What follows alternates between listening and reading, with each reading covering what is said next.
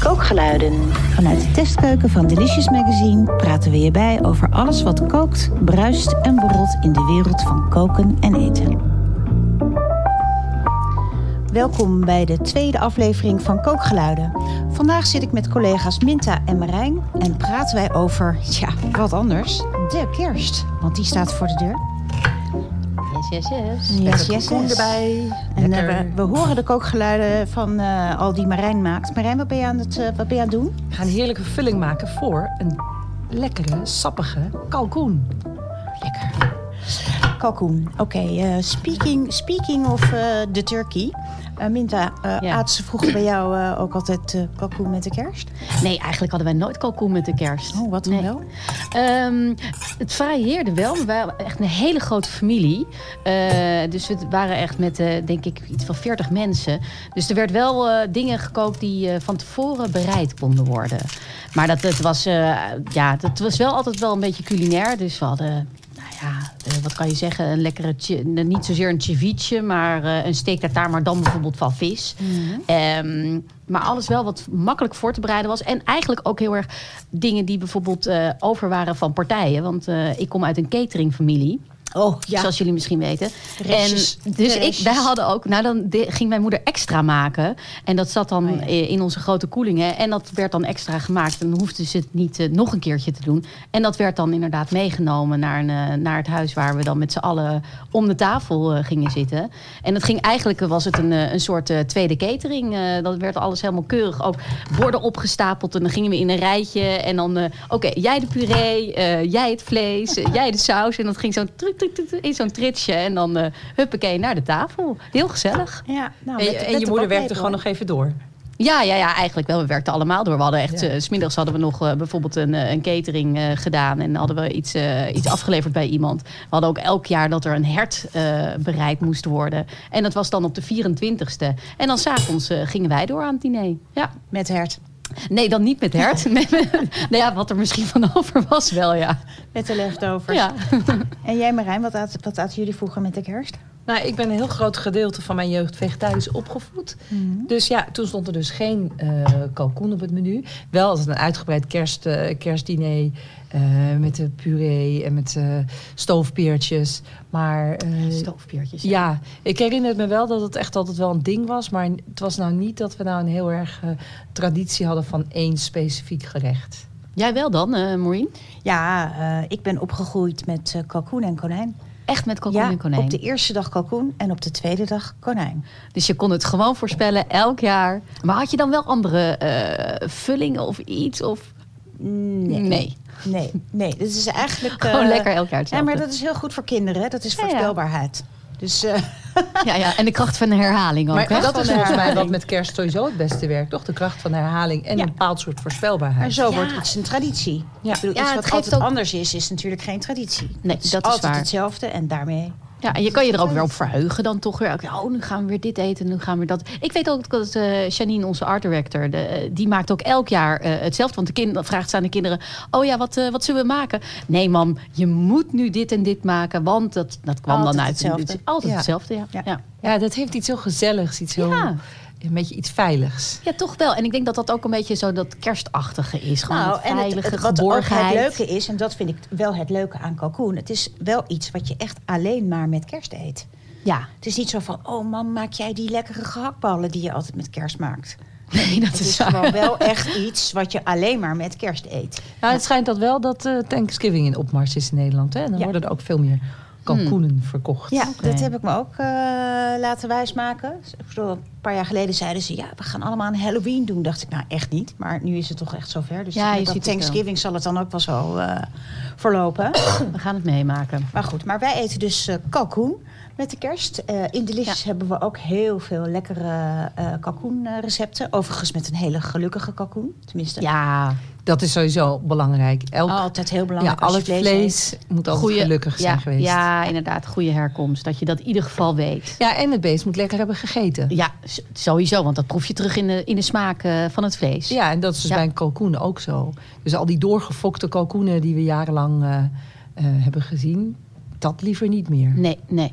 klopt. Nee, want ik heb eh, gelezen dat eh, brandnetels en fruit... dat is het eh, favoriete eten van de kalkoen. Van, van deze scharrelkalkoen. Van Nou, de Kelly Brons kalkoen bedoel ja, je, die ja. wij eh, in Delicious eh, hebben. Ja. Ja. Ja, ja. dat klopt. Volgens mij staat dat er... eh, Ja, en sowieso zijn natuurlijk kalkoenen net als kippen. Beesten die graag gewoon zelf met hun eigen kostje bij elkaar scharrelen. Ja. En ja, dat, ja, dat dat zijn soort, scharrelaars. ja, dat proef je. Ja, ja.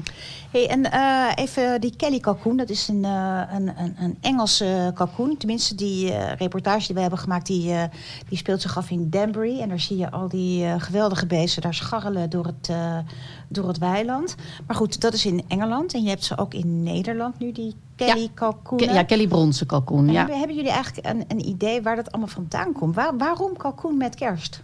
Volgens mij is het wel echt een anglo-saxische traditie. Ja, maar dan Want- moet je denk ik ook weer eens terug van waar, waar komt de, de, de wilde kalkoen eigenlijk oorspronkelijk vandaan? Maar in ieder geval niet uit Turkije. Nee, nee, Meestal, meestal kom je dan in Turkije uit, Ja, dat hè? denk je, maar dat is dus niet zo. Hij komt, hij komt uit eh, Noord-Amerika en Mexico. Daar is Ja. hij eigenlijk meegenomen, na de ontdekking van Amerika in 1520, is hij meegenomen door de Spanjaarden. Die hebben die kalkoen eh, eh, meegenomen eh, naar ons toe, naar Europa. En zo is hij hier gekomen. En Marijn, volgens mij had jij echt een waanzinnig... Ja, ik heb wat heel grappigs ontdekt in de zoektocht ja. naar de kalkoen. Nou, het is dus, ja, kennelijk in Engeland is het een, een, een heel ding geworden. Ook in het hele koningshuis werd die kalkoen, en denk ik ook een soort van statussymbool. En in 1720 werden er 250 kalkoenen, let wel, 250 kalkoenen. Eh, die werden vanuit Norfolk naar de Londense markten gelopen. Over, kennelijk was er toen al toch een soort van semi-snelweg, de Ja. A12. Eh, eh, Nee, ja, werden ze gelopen. En hoe, maar hoeveel kilometer was dat?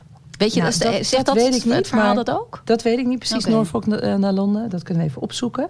Maar ehm, ze werden... eh, ze, hun, hun voeten werden in, in eh, teer gedoopt... zodat ze, dat, dat ze goed over, eh, over de weg konden lopen. Om op Zouden tijd in die... Uitglijden of zo? Ja, Ja, ik vond het ook een serieus bescherming, Een verhaal. soort, schoenen of zo misschien. Ja.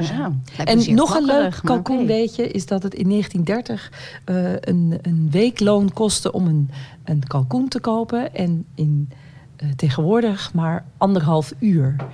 Dus in die zin is het ja, van een luxe product is het toch meer iets heel gewoon. Nou ja, gewoons, maar in ieder geval veel bereikbaarder geworden voor een grote groep mensen. Maar dat is misschien ook waarom het een, een kersttraditie is. Omdat, je, omdat het dus gewoon Ja. heel erg duur was. Iets wat je de rest van het jaar Ja. überhaupt niet kon Niet kon eh, permitteren dan. Maar wat ik Ja. wel grappig vond, is dat eigenlijk die noor- noordelijke landen, waar wij ook een beetje tot bij horen, Noorwegen, Zweden, die eten vooral ook veel eend en gans met eh, kerst. En dat deden wij van oorsprong ook.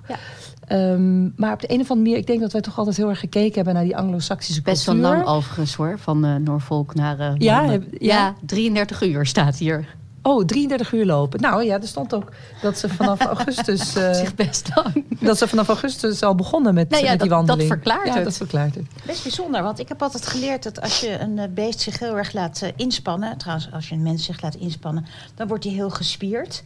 En dan krijg je nou niet per se het meest malse vlees van. Je moet hem Nee. eigenlijk een beetje lui, lui Ja, maken. maar dat zijn natuurlijk vooral die poten dan, hè, die werken. Kijk, die, die borst, ehm, en dat is het meest malse stukje vlees. Dat, eh, dat werkt niet. Dat werkt niet echt mee op dat moment. Daar zit ook het meeste vlees. Dus het zijn vooral die poten. Maar eh, ja, je Maar ja, je hebt wel gelijk. Daarmee, eh, daar stip je een goed puntje aan. Dat de kalkoen staat nou niet bekend als het meest Nee. malse, makkelijke stukje vlees. Eh, het is echt wel en vlees waar je wat voor moet doen om het heel lekker te maken. Ja, Ja. nou, ik vind het een heel goed eh, bruggetje naar de volgende rubriek. Koken kan je al, maar bij Delicious Magazine leren we je hoe het nog beter kan. Be a better cook. Ja, Marijn, die had het er al over. Het is, Ja. eh, het is nog een hele kunst om eh, van een kalkoen een eh, eetbaar stukje vlees te maken. Ja, en ik heb daar laatst, ik weet niet of jullie dat toevallig ook voorbij hebben zien komen, maar op het nieuws was een heel grappig nieuwsbericht dat, nou ja, het was eigenlijk helemaal niet grappig. Onze Trump, die was, eh, nou ja, onze, helemaal gelukkig niet. Nee, inderdaad. Eh, Trump die was eh, op een legerbasis in Afghanistan. En om daar Thanksgiving te vieren en kalkoen te eten. En dat waren de zogenaamde butterball kalkoenen. Dus die worden ingespoten met boter. En wat, waarom? Precies om die reden dat kalkoenen snel droog worden. Dus Ja. dan spuiten ze vet of boter in om die kalkoen Om ze wat sappiger. En, Ja. ja. ja, ja, Maar daar er zijn natuurlijk ook andere ik zeggen, Er zijn zoveel trucjes voor. We kunnen de, de, de bekende pekel natuurlijk, hè, die, we, die, we, die je kan gebruiken. Moet je een grote pan nodig. Ja. Dat wel. Maar als je dat op tijd doet, dus gewoon water met zout en nou ja, allemaal specerijen kan je eraan toevoegen. Gewoon net wat je, wat je lekker vindt eigenlijk. Dennennaalden, rozemarijn, salie, eh Ja, jeneverbessen. salie, heerlijk. Je krijgt zo'n heerlijke geur in het huis. Dat Ja. voegt ook weer wat toe aan En de dat laat je dus inderdaad gewoon een paar uur lang na. Je moet wel echt wel minimaal vier, vijf uur. Ja, eh, liefst eh, nacht. ja, het liefste nacht. Maar stel je voor je wil een quick fix, dan kan, kan dit ook. Maar je krijgt daardoor veel sappige smaak aan die kalkoen. Het wordt echt veel zachter gewoon. Ehm, En daarnaast- smaak door en het zout. Ja, En de ook. specerijen. En de specerijen inderdaad. Dus dat, eh, dat is eh, een belangrijk iets. En voordat je überhaupt begint, ehm, nou A, eh, koop het bij een goed adres. Dat is een tip, Uiteraard. zorg dat die op kamertemperatuur is. Wordt ook nog wel eens vergeten. Heel belangrijk. Het is ook erg belangrijk. En verder, je, ja, je kan hem natuurlijk in zijn geheel doen. Maar ehm, je kan hem gewoon natuurlijk ook in onderdelen bereiden. We, we zijn gewend natuurlijk dat we hem eh, dat we in, in, geheel, serveren met een vulling erbij. En dat is ook nog wel een leuk weetje. Dat, wist ik ook nog niet. Waar we achter kwamen tijdens de productie in Delicious. Dat eh, heeft eh, Samuel Levy ontdekt. Dat die vulling dus eigenlijk traditioneel apart werd geserveerd. En niet in die kalkoen. Wisten jullie dat? Ja, en dus ook apart gebakken. En apart gebakken Ja, nou, inderdaad. dat is Vooral inderdaad- dat laatste wist ik niet. Want wel dat je de, de, de stuffing eruit haalt Ja. en erbij serveert. Gewoon als een soort van ja, bijgerechtje. maar inderdaad vooral apart gebakken inderdaad. Maar niet dat je hem apart bereidt en daarna in, in de, in de Erbij kalkoen, eh, serveert. stopt. Of moet je hem... eh, Nee, je serveert er het erbij. Erbij En gewoon je los. eet, je eet het vlees met die vulling. Die Ja. vulling is eigenlijk als een soort van ja, grove salsa-achtig bijgerecht. Wat je Ja, dus met die kalkoen Eigenlijk een samen soort eet. sausachtig, ja. Ja. wat je zegt, Waarom, salsa, waarom saus. zou je een kalkoen, eigenlijk überhaupt moeten vullen?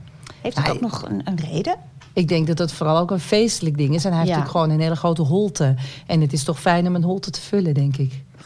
ja, Zo zonde van al die lucht. Ja, inderdaad. ja, nou ja, net als kippen vinden we het natuurlijk ook leuk om te vullen. Het is gewoon feestelijk om daar iets mee te doen. Ja, maar- plus maar de smaak wordt ook wel afgegeven. Ja, hè? het doet Want ook we iets van hebben ook bijvoorbeeld kip met citroen. Hè, dan vul je, vul je die kip met citroenen en bijvoorbeeld salie of, of met uh, rozemarijn. En je krijgt toch die smaak van die citroen komt in die kip. Dus dat heb je natuurlijk ook met zo'n stuffing. Ja, maar ik moet zeggen dat ik vind het eh, ook leuk om die kalkoen niet altijd te zien als hele vogel, maar hem ook uit elkaar te Ja. halen. Dus de borst loshalen en die op lage temperatuur of zelfs misschien zelfs sous vide te garen.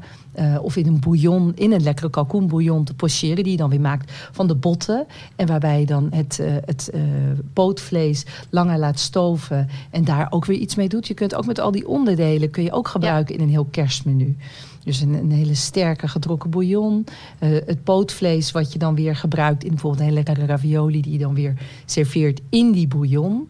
Eh, nou ja, zo en dat... dat No waste eigenlijk. No waste, maar en dan het, eh, de borst die je dan weer serveert als hoofdgerecht met nou, dan weer lekker een lekkere, krokant bakken. Ja, en met een vulling erbij. Ja, ik zou zeggen, als je zo'n hele vogel hebt gemaakt... dan begin je eigenlijk met het aansnijden van Ja. het borstvlees. Hè? Als je het apart inderdaad helemaal wil eh, serveren, dan, dan ga je kijken hoe doe je dat dan. Dan ga je de, de vleugels loshalen, je gaat de poten loshalen. Dan ga je eigenlijk aan, aan, aan aan borst eh, eh, beginnen. Dus je kan hem helemaal eh, ontleden. Dus of je hebt een hele poot of je maakt er een drumstick van en een dij. En je kan van alles. eh, Maar ik had wel, ik kwam nog iets heel grappigs tegen wat ik echt een hele goeie vond. Namelijk dus dat uitdrogen van, eh, van die borst. Nou, ik inderdaad eh, klassiek barderen met Ja. spek. Maar ik hoorde dus van op weer een andere. Misschien moet je dat wel heel even toelichten, dat borderen met spek. Want dat is Ja, inderdaad plakjes, plakjes spek gewoon erop leggen. waardoor ja, het vet van Ja. het spek gewoon in dat vlees gaat. Ja. Maar ik hoorde een andere hele leuke tip van een, ehm, eh, een Amerikaanse chef. ehm, eh, op Milk Street, wat een andere heel erg leuke podcast is. Hoe heet die podcast? Milk Street Radio. Oké, ja. En, ehm, en dat ging over een, een soort van. Ja, in, het Engels klinkt dat wel leuker. Een butter blanket. Maar eigenlijk een, een Klinkt stuk. lekker, ja. Ja, een kaasdoek. Daar zou ik eigenlijk ook wel onder willen Ja, Ja, van een butter butter blanket vind ik ook heel aangenaam klinken. Maar een, eh, een, dun, een dun stukje doek of, of keukendoek of kaasdoek... die je dan drenkt in de gesmolten boter. Oh. En die leg je over die die kalkoen heen. En die kalkoen ga je dan op lage temperatuur, dus 160, 170 max. Ehm, en die, die, die boter die zorgt er dan voor dat die kalkoen dus niet uitdroogt. En dan uiteindelijk haal je dat er vanaf en dan draai je, de bovenkant. Waarom moet je dat in een blanket doen? Je kunt toch ook, tenminste, zo doe ik het meestal, ook met kip, is dat je het vel gewoon loshaalt. En, en dan En daar, dat eh, vel eh, die laag boter. Dat is, eh, dat is zeker ook een manier, maar dit is een manier waarop, waarop eh, deze Vivian, ik ben even de achternaam kwijt, maar een bekende chef in Amerika, dat deed. Eh, en ik denk toch dat als. Is het ook niet Als je het onder het vel om het doet? helemaal, helemaal, omdat het echt ook ingepakt is? Dat het, dat, eh, Nee, ik denk dat als het in, dat die kaasdoek waar die boter helemaal in doordrongen Ja. is, die sijpelt dan steeds een beetje zo op dat vel en in dat vlees. Dus denk ik toch weer een ander effect dan dat je de boter onder het vel doet. Wat ik trouwens ook heel erg lekker vind, doe ik met kip ook altijd heel graag. En natuurlijk een boter waar je heel veel lekkere smaakmakers aan toe hebt gevoegd. Mhm. Met specerijen onder, die, onder dat vel is ook zeker een goed idee. Maar ik vond dit wel leuk. Ik ga dat wel een keer proberen met zo'n eh butter blanket. alleen al gewoon om de naam wil ik het gaan proberen. Precies. Ja, Hey, ehm, denk je dat we ook nog iets gaan drinken, Minta? tuurlijk gaan we er wat bij drinken. Ik bedoel, eh, hè? Vis moet zwemmen en een, eh, een kip eh, die moet ook zwemmen. Ja, en, een, en, lekker, en een een scheutje cognac ook in de vulling.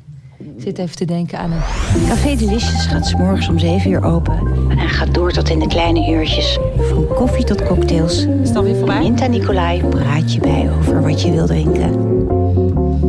Nee, Marijn, het is niet voorbij. Maar Het is niet voorbij. ik wilde even dit, eh, dit eh, leuke, leuke clipje laten horen. Want wat drinken we erbij inderdaad? Nou ja, wat jij net al zei, je kan natuurlijk eh, inderdaad iets van Calvados of cognac of sherry. Ook heel erg lekker kan je gebruiken in die vulling. Maar wat drink je echt gewoon bij eh, kalkoen? Ehm, je hoeft dus niet per se rode wijn bij kalkoen te drinken. Want heel veel mensen denken altijd van... oh ja, bij het hoofdgerecht, we moeten... net zoals bij vis bijvoorbeeld ook... daar moet, eh, daar moet wit, Wit, bij. ja. Nou, dat is helemaal niet waar. Dat heeft, dat heeft allemaal te maken met smaakopbouw. Daar kan ik het later nog wel een keertje over hebben met kerst. Want waar je eigenlijk op let altijd is eh, sowieso in het serveren van je gangen. Maar dat doe je dus ook met je wijn. Pas je daarop aan. Je gaat eigenlijk van licht naar steeds wat voller, naar wat krachtiger. En daarin bouw je op. En dat hoeft dus niet zo te zijn dat een, een rode wijn kan qua smaakintensiteit kan eh, lichter zijn dan bijvoorbeeld een hele krachtige, volle witte wijn. Ik denk eh, bijvoorbeeld aan een, eh aan een Gewürztraminer uit de Elzas. Die is heel geparfumeerd, heel bloemig. En dat je dan echt denkt van oké, nou ja, dan moet je, daar kan een bepaalde rode wijn, ehm, een Pinot Noir, die zou ik daar echt wel voor zetten, bijvoorbeeld. Nou, dus daar kan je een beetje mee spelen. Maar wat je wel hebt, is dat je natuurlijk... eh, het vlees zelf is, is mager en licht. Dus afhankelijk van je vulling, daar moet je allebei een beetje naar kijken. Kijk je dus wat voor wijn gaat erbij. Dus heb je een vulling met, eh, zoals we nu in Delicious hebben staan... eh, een Aziatische vulling... Oh ja. Die is hoog in umami. Hè? Dat heeft een hele krachtige smaak. Dus dan ga je op zoek naar een wijn die ook die krachtige smaak heeft. Die een beetje eh, eh, niet, niet te hoog in de tannines. Tannines zijn dat hele stroeve gevoel wat je hebt in je mond. Maar je gaat op zoek naar heel rijp fruit. Nou, dan kom ik zelf over het algemeen uit bij de Nieuwe Wereld. Nieuwe wereldwijn, dan ga je denken aan eh, Brazilië, Australië, dat soort dingen. Dan ga je met heel veel fruit eigenlijk. Dus bijvoorbeeld een, een Malbec is heel erg lekker. Bij zo'n Aziatisch iets, want dan heb je dat hele zoetige fruit. Maar als je meer klassiek gaat, dus mediterraan ook. Ik ga klassiek. Nou, dan, dan zou ik zeggen Mint van... spice erbij. eh, oh, oké. Ja, daar heb je ook wel weer een zoetje. hè? Ja, dan, dan, dan, dan kompot zou ik erbij. bijvoorbeeld kijken naar een... eh, nou, wat lekker is, is bijvoorbeeld een Rioja. Maar dan zou ik niet te veel hout, maar met een klein beetje houtrijping doen. Want dan krijg je een vanilletoontje erbij. Dat is lekker. Tempranillo druif. Dus dat is hartstikke goed. Eh, maar ik zou wit ook niet onderschatten. Ik vind wit altijd heel erg mooi.